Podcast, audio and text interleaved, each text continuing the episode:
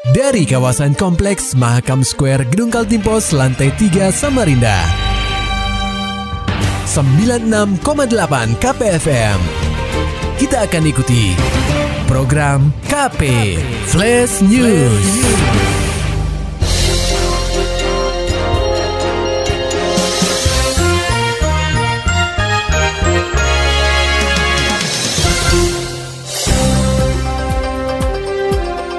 Anda sedang menyimak program KP Flash News bersama saya Agung Pratama. Pendengar KP dari kabar parlementaria, diduga serobot lahan pertanian, Komisi 1 DPRD Kaltim ancam tak perpanjang HGU PT Win. Laporan selengkapnya akan disampaikan reporter KPFM Samarinda, Muhammad Nur Fajar.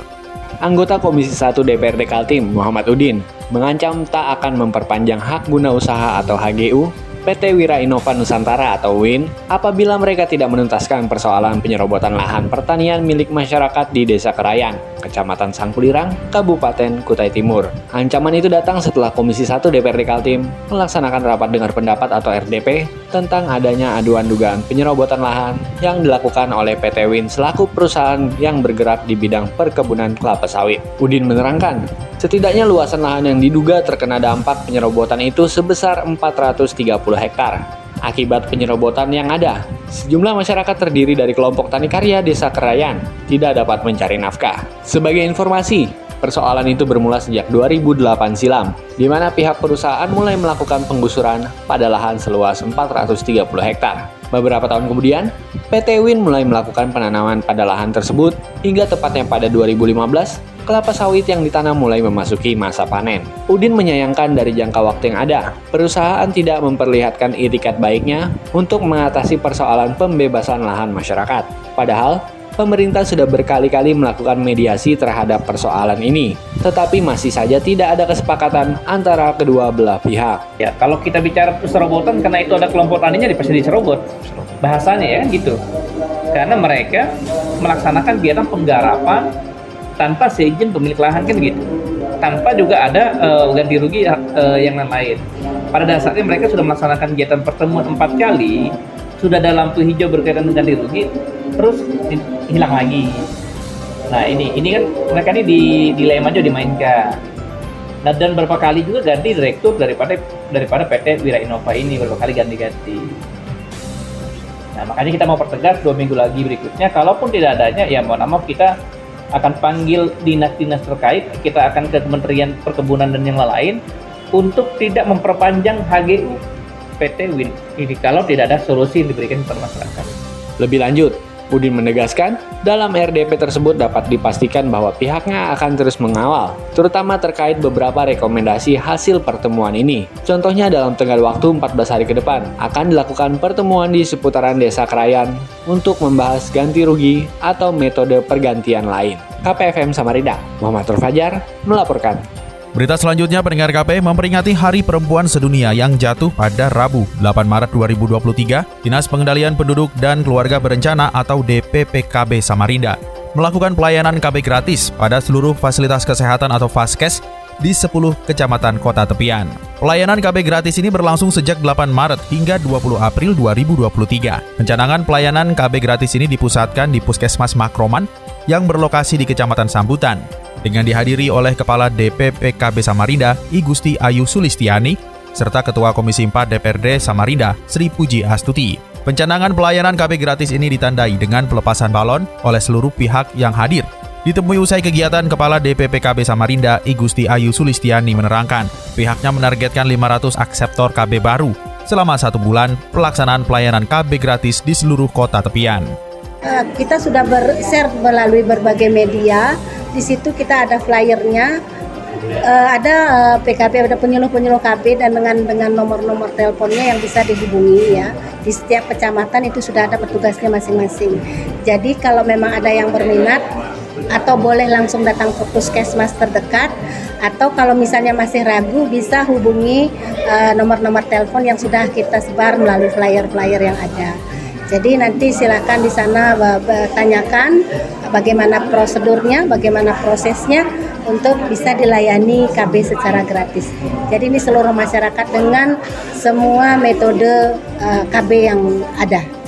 Pelaksanaan pelayanan KB gratis ini ternyata disambut positif oleh seluruh lapisan masyarakat tak terkecuali Ketua Komisi 4 DPRD Samarinda Sri Puji Astuti yang hadir langsung di Puskesmas Makroman. Puji menuturkan dirinya sangat mendukung program yang memang dicanangkan oleh pemerintah pusat ini karena ada kaitannya dalam peringatan Hari Perempuan Sedunia. Dia menegaskan bahwa pemakaian KB itu bukan hanya menjadi tanggung jawab perempuan saja, melainkan juga tanggung jawab laki-laki karena ini kaitannya juga dengan Hari Perempuan Internasional tentunya eh, bagaimana kita peran KB itu disosialisasikan kepada masyarakat bahwa KB itu bukan hanya tanggung jawab perempuan hmm. tapi tanggung jawab laki-laki ya kaum pria.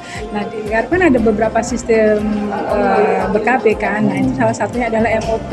MOP itu yang dilaksanakan oleh kaum kaum laki-laki. Nah ini harapannya dengan seperti itu uh, bagi perempuan, bagi ibu, bagi istri ya mungkin banyak kendala-kendala baik itu kendala kesehatan dan lain sebagainya itu bisa disupport oleh bapak-bapak untuk ber-KB. Lebih lanjut, Puji berharap DPP KB Samarinda terus melakukan sosialisasi kepada masyarakat agar mau menjadi akseptor KB. Ia juga menginginkan agar kaum Adam dapat menjadi akseptor KB jika sang istri memiliki permasalahan kesehatan yang membuat mereka tidak bisa menggunakan KB. Beralih ke kabar Diskominfo Kaltim pendengar KP, beasiswa Kaltim Tuntas atau BKT 2023 mulai kebanjiran pendaftar. Sejak dibuka pada 20 Februari lalu, total jumlah pendaftar saat ini sudah hampir mencapai angka 63 ribu orang. Hal itu diungkapkan Kepala Dinas Pendidikan dan Kebudayaan atau Disdikbud Kaltim Muhammad Kurniawan.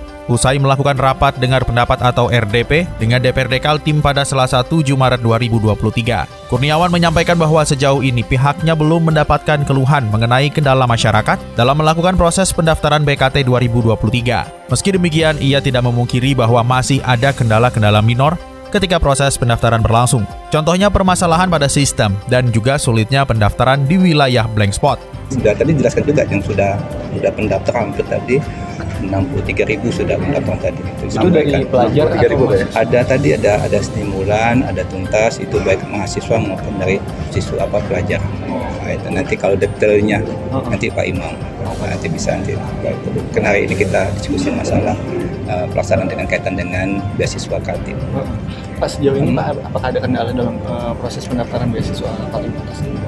Uh, kalau secara makro ya itu nggak ada masalah ya. Hmm. Tapi kalau kendala pasti ada yang kecil. Hmm. Nah, kalau masalah besarnya enggak. Mungkin yang kendala yang ditanyakan oleh mereka kan masuk ke sistem ya. Hmm. Kadang-kadang daerah-daerah yang blind spot itu kadang-kadang hmm. susah untuk ikut mendaftar itu nanti gimana solusinya nanti sudah. Terpisah, Kepala Badan Pengelola Beasiswa Kaltim Tuntas atau BPBKT Iman Hidayat menuturkan bahwa Pemprov Kaltim menganggarkan 375 miliar rupiah untuk program BKT 2023. Tercatat, hampir 63 ribu orang sudah mendaftar dalam program BKT tahun ini, yang artinya sosialisasi sudah terlaksana dengan baik. Buktinya pendaftar sekarang udah 62 ribu. Jadi itu ya, budaya literasinya yang kurang. Kan sudah diumumkan nama web kita ini ini ini ini, tapi mereka sudah tidak tidak mau membaca secara keseluruhan. Untuk wilayah yang blank spot segala macam kita ada kan wilayah yang nggak ada lagi. Karena apa? Yang semua blank spot, daerah blank spot boleh daftar lewat sekolah, nggak lewat kami. Nah, nah sekolah dijamin nggak blank spot. Kenapa? Karena dia harus membuat laporan dapodik data pokok ya, pendidikan, ya kan? Jadi dia kan punya jaringan. Jadi sekarang untuk pelajar semuanya pendaftarannya melalui. Guna mengantisipasi kesulitan pendaftar di wilayah blank spot, Pemprov Kaltim mempersilahkan para pelajar dapat melakukan pendaftaran di sekolah sehingga kendala jaringan dapat teratasi ketika mereka ingin mendaftar menjadi penerima PKT. Pendengar KP, Wakil Gubernur Kaltim Hadim Mulyani menyempatkan diri dalam kunjungannya ke wilayah tengah untuk mengunjungi lokasi Suaka Badak Kelian Kutai Barat atau Kubar yang dikelola oleh Badan Konservasi Sumber Daya Alam atau BKSDA Kaltim pada Rabu 8 Maret 2023. Adapun tujuan kedatangan orang nomor 2 di benua etam ini ke lokasi Suaka Badak Klian untuk mengetahui bagaimana perkembangan perawatan badak pahu, di mana hewan ini merupakan badak satu-satunya yang masih ada di benua etam. Menurut Hadi, selain badak pahu yang ada di Suaka Klian ini, masih ada badak lagi yang akan dibawa dari Kabupaten Mahakam Ulu atau Mahulu. Besar harapannya kedua badak ini dapat disatukan di Suaka Klian sehingga binatang yang terancam punah ini bisa berkembang biak. Meski begitu, saat ini BKSDA Kaltim tengah berupaya melakukan inseminasi buatan atau perkembangbiakan bayi tabung kepada badak pahu. Hadi mengatakan Pemprov Kaltim akan mendukung penuh proses pemindahan badak yang ada di Mahulu ke Suaka Badak Kelian Kubar. Untuk itu, ia berharap masyarakat maupun Pemkap Mahulu bisa menerimanya dengan tujuan menyelamatkan kondisi habitat binatang ini sehingga tidak mudah punah. Beralih ke berita selanjutnya, pendengar KP Rencana Pembangunan Jangka Menengah Daerah atau RPJMD Kaltim 2018-2023 menargetkan serapan tenaga kerja sebanyak 250 ribu orang. Tetapi hingga tahun 2022 lalu pencapaiannya telah melampaui target yang dicanangkan. Kepala Dinas Tenaga Kerja dan Transmigrasi atau Disnaker Trans Kaltim, Rozani Erawadi menyampaikan, dalam periode tahun 2019-2022, serapan tenaga kerja di benua etam mencapai 251.212 orang atau 100,48 persen. Adapun rinciannya adalah tahun 2019 terserap 131.787 tenaga kerja, tahun 2020 sebanyak 23.194 tenaga kerja, tahun 2021 sebanyak 58.729 tenaga kerja, dan tahun 2022 sebanyak 37.502 tenaga kerja. Dirinya menargetkan pada tahun 2023 ini ada sebanyak 100.000 tenaga kerja lagi yang akan terserap. Para tenaga kerja itu umumnya bekerja untuk lapangan kerja perkebunan, peternakan, perikanan, pertanian, dan perindustrian. Rozani menuturkan untuk selanjutnya pihaknya ingin meningkatkan daya saing melalui berbagai upaya untuk penempatan tenaga kerja. Masyarakat yang berminat bisa mengikuti pendidikan berbasis kompetensi di Balai Latihan Kerja atau BLK, baik di Balikpapan maupun di Bontang. Tahun ini jumlah peserta pelatihan di BLK Balikpapan ada sebanyak 1.000 peserta. Dilanjutkan dengan program pemagangan yang bekerja sama dengan forum pemagangan dan pemerintah, kabupaten atau kota dengan 10 paket pemagangan untuk kurang lebih 160 tenaga kerja. Untuk tahun 2023 akan ada 63 paket pelatihan. Jumlah tersebut akan terus ditingkatkan supaya paling tidak target 1000 peserta pemagangan bisa tercapai. Tujuannya agar mereka bisa langsung ditempatkan di masing-masing perusahaan. Untuk penyerapan tenaga kerja, Rozani melanjutkan paling banyak meningkat pada sektor industri pengolahan dan sektor transportasi. Data tersebut diperoleh dari laporan Badan Pusat Statistik atau BPS, di mana dua sektor yang paling banyak menyerap tenaga kerja, yaitu pada sektor industri pengolahan dan transportasi. Berlanjut ke kabar olahraga pendengar KP, rancang program untuk prestasi atlet di Mahulu. Laporan selengkapnya akan disampaikan reporter KPFM Samarinda, Maulani Alamin. KONI Mahakam Ulu atau Mahulu menggelar rapat kerja kabupaten atau Rakerkap pada Sabtu 4 Maret 2023. Rapat tersebut membahas evaluasi dan perencanaan program pembinaan atlet hingga merancang mekanisme dalam musyawarah olahraga kabupaten atau Musorkap. Pelaksana tugas Ketua KONI Mahulu, Petrus Juk, menerangkan dalam rapat tersebut dibahas mengenai enam cabang olahraga atau cabur baru yang masuk sebagai anggota KONI, yakni kickboxing, bridge, sambo, selam, e-sports, dan senam. Kemudian, yang menyita perhatian adalah tentang pemilihan calon ketua KONI Mahulu yang akan dilaksanakan pada Musorkap telah disepakati bakal calon merupakan ketua pengurus Kabupaten Cabur aktif dan pengurus KONI Mahulu aktif. Untuk menindaklanjuti lagi, kita menuju ke Raker Cup ini menuju ke Musorprop pemilihan ketua umum KONI Kabupaten Mahkamulu yang baru. Uh, dalam hal ini uh, kami sudah artinya sebelum Raker ini juga sudah ada sinkronisasi antara cabur-cabur yang ada. Sekretaris Kabupaten Mahakam Ulu Stepanus Madang yang hadir dalam acara itu menyampaikan pesan dari Bupati Bonifasius Belawan Geh. Tim yang terbentuk dalam Raker Cup dapat bekerja maksimal untuk mencari figur terbaik yang memimpin KONI Mahulu. Tentunya ada perubahan paradigma ya. Tentunya sekalipun kabupaten perbatasan tapi bisa berbuat yang tidak terbatas gitu.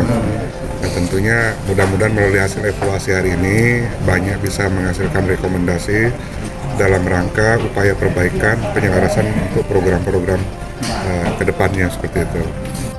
Sementara itu, Ketua Harian KONI Kaltim, Husin Syah berharap Raker Cup dapat melahirkan program kerja yang bisa terlaksana dengan baik.